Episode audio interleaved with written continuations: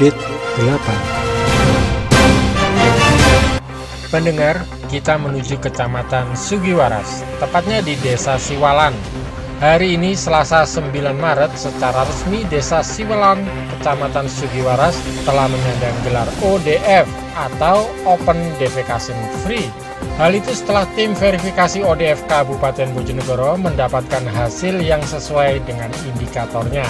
Tim yang leading sektornya adalah Dinas Kesehatan itu telah selesai melakukan pengecekan data dan penelusuran lapangan yang akhirnya menetapkan bahwa desa Siwalan sebagai desa ke-377 yang sudah ODF. Secara garis besar, ODF adalah sebuah kondisi di mana masyarakat dalam sebuah wilayah sudah tidak buang air besar sembarangan. Tentunya dengan kepemilikan atau keberadaan jamban yang memadai. Berikutnya tentang program hibah. Pendengar PMK Bojonegoro terus mewujudkan penganekaragaman konsumsi pangan, termasuk guna untuk memenuhi kebutuhan gizi masyarakat.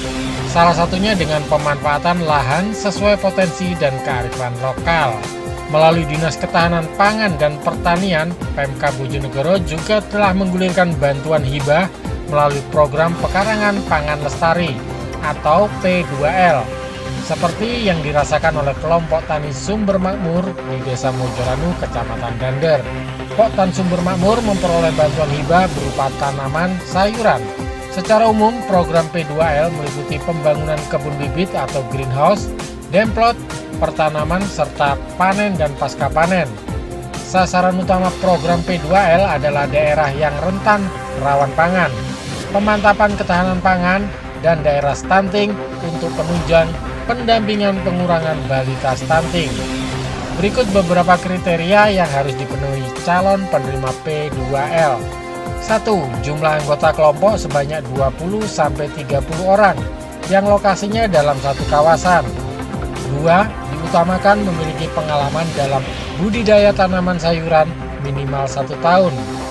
3. Belum pernah mendapatkan dana bantuan pemerintah pada kegiatan yang sama. Dan keempat, mampu menyediakan lahan untuk sarana pembibitan dan demplot dengan luas total 400 hingga 500 meter persegi untuk pedesaan dan 100 hingga 200 meter persegi untuk perkotaan, bukan menyewa lahan. Minimal selama lima tahun dalam surat perjanjian.